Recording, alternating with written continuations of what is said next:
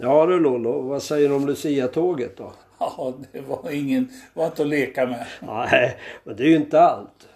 Har du med sig? Ja, ja, ja, ja. Lyssna här när han Ja. berättade om när, de satt och tittade på uh, hockeymatch. Ja. Landskamp mellan Sverige och Ryssland. Ja, det vill jag höra. Ja, farsan hans, han ville ju ha absolut tystnad.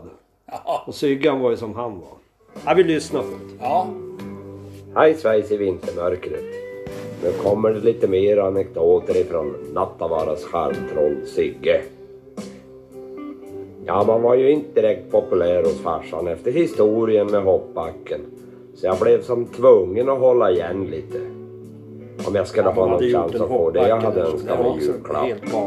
För jag hade en ganska lång bror. önskelista. Givetvis. Lillebrors Fast idé. ni skilde sig Ja, en hur aning. gammal så är Sigge? Vet du det?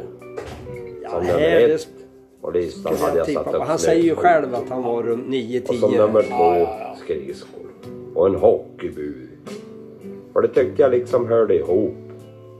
En kväll när vi satt och tittade på landskamp i ishockey mellan Sverige och Finland så hade jag smugit med mig min hockeyklubba in och lagt den bakom soffan i vardagsrummet för att farsan inte skulle få syn på den. Men han tyckte liksom inte om att jag tränar slagskott inomhus. Speciellt inte efter den gången jag lyckats skjuta ner kryddhyllan för morsan. När matchen väl hade börjat då var det ett par saker som gällde. Inga oljud i form av lekande barn och inget pratande under spelets gång. Det fick absolut inte förekomma. För som farsan sa, det störde hans koncentration och då gick det åt pipan för Sverige. Jag trodde inte riktigt på det där så jag bestämde mig för att göra ett test. Jag gick ut i köket och Givetvis. hämtade en tallrik med fil och flingor. Ja. Sen knallade jag in i vardagsrummet och satt mig på en stol strax bakom farsan och började käka. Sörpla lite extra, bara för att testa om farsan hade rätt i sina teorier. Men det hände ingenting. Inga finska mål, inga svenska utvisningar. Du hade fel om det där med koncentrationen, sa jag till farsan. Nu har jag suttit här en bra stund och slamrat med skeden och inte har det hänt något. Inte har det blivit några finska mål, så du har fel, fortsätter jag lite kaxigt. Men jag hann knappt avsluta mina teorier förrän det small till och så blev det mål för Finland. Ja, ni kan ju räkna ut resten.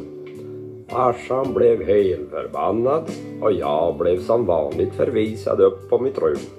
Men min kära mor, hon som normalt inte brukar hetsa upp sig, hon var sur på farsan och så sa hon det var väl inte pojkens fel att finnarna gjorde mål så nu fick han allt lugna ner sig.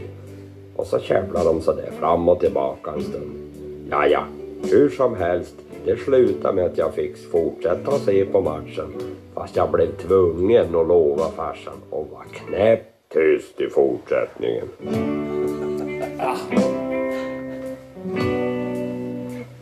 Svårt att hålla käften Sigge. Ja, ja, ja. Han har alltid opponerat så han har alltid idéer. Ska vi fortsätta lite fram till julafton med Sigge? Ja, det tycker jag vi gör. Ja. Vi hugger in på nästa avsnitt. Okej. God morgon på er.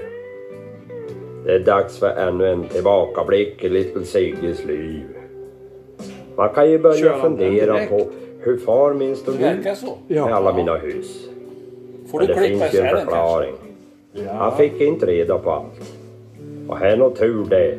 För om man hade fått reda på allt jag hittat på så har jag fått spendera mycket mer tid på mitt rum. Att jag inte fick öva slagskott inomhus, det hade jag numera fått klart för mig. Fast jag hade inte riktigt gett upp hoppet om en backhopparkarriär. Och det talade jag om för farsan.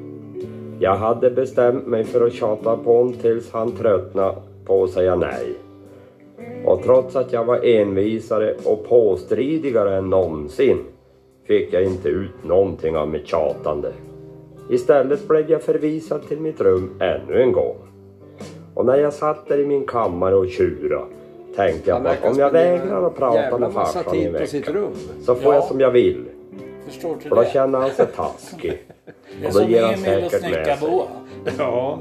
Inte fan gav han med sig. Hur var du som barn? Han verkar Spenderade du gladare också än tid på någonsin. rummet? För det var ju Eller var du snäll? knäpptyst vid matbordet och hade alldeles rummet lugnt på källaren. kvällen framför TV.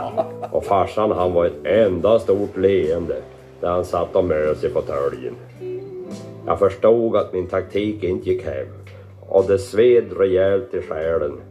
För jag hade som trott att jag var den envisaste i familjen.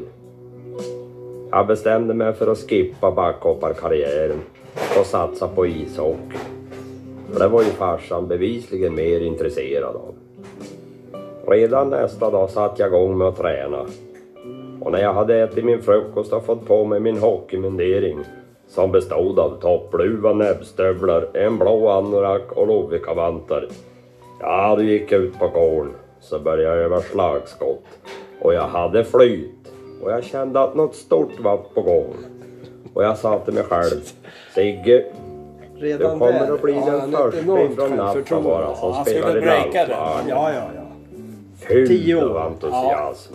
Klämde jag till pucken så mycket jag orkade.